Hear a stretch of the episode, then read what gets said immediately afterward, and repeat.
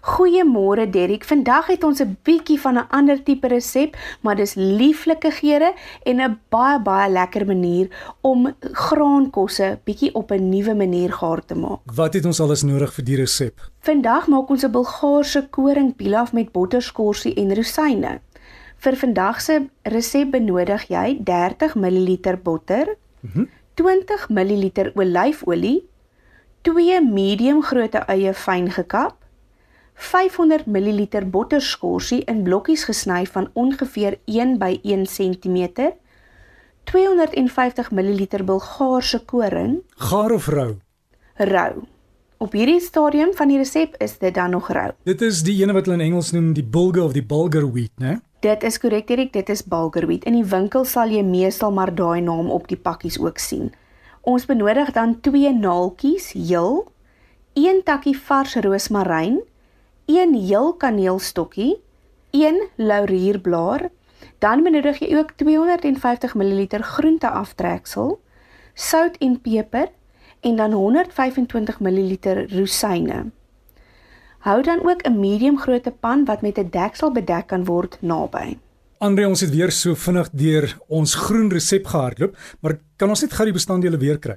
Die bestanddele wat jy vandag benodig is 2 eetlepels botter, 2 eetlepels olyfolie, 2 medium grootte eie fyn gekap, 2 koppies botterskorsie in blokkies gesny, 1 koppie Bulgaarse koring, 2 naaltjies heel, 1 takkie vars roosmaryn, 1 heel kaneelstokkie, 1 laurierblaar en dan benodig jy ook 1 koppie groenteaftreksel, sout en peper en 'n halwe koppie rosyne.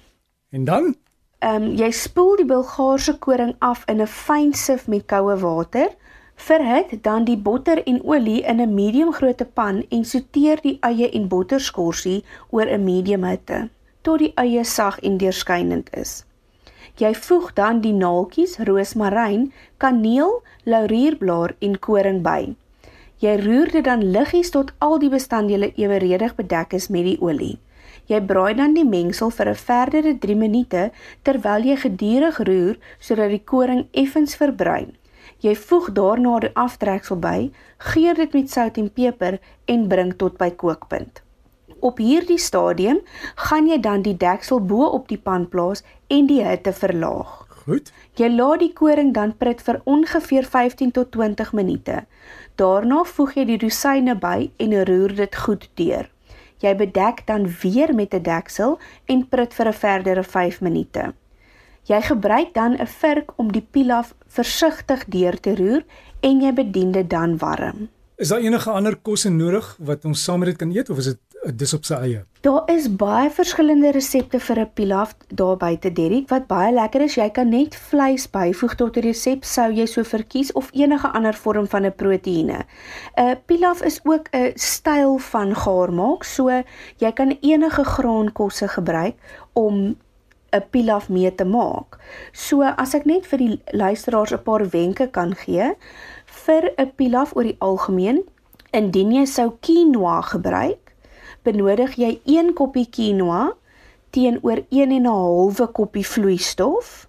Vir gars benodig jy 1 koppie gars en dan 2 en 'n halwe koppies vloeistof van jou keuse. En vir gewone rys benodig jy 1 koppie rys en 2 koppies vloeistof.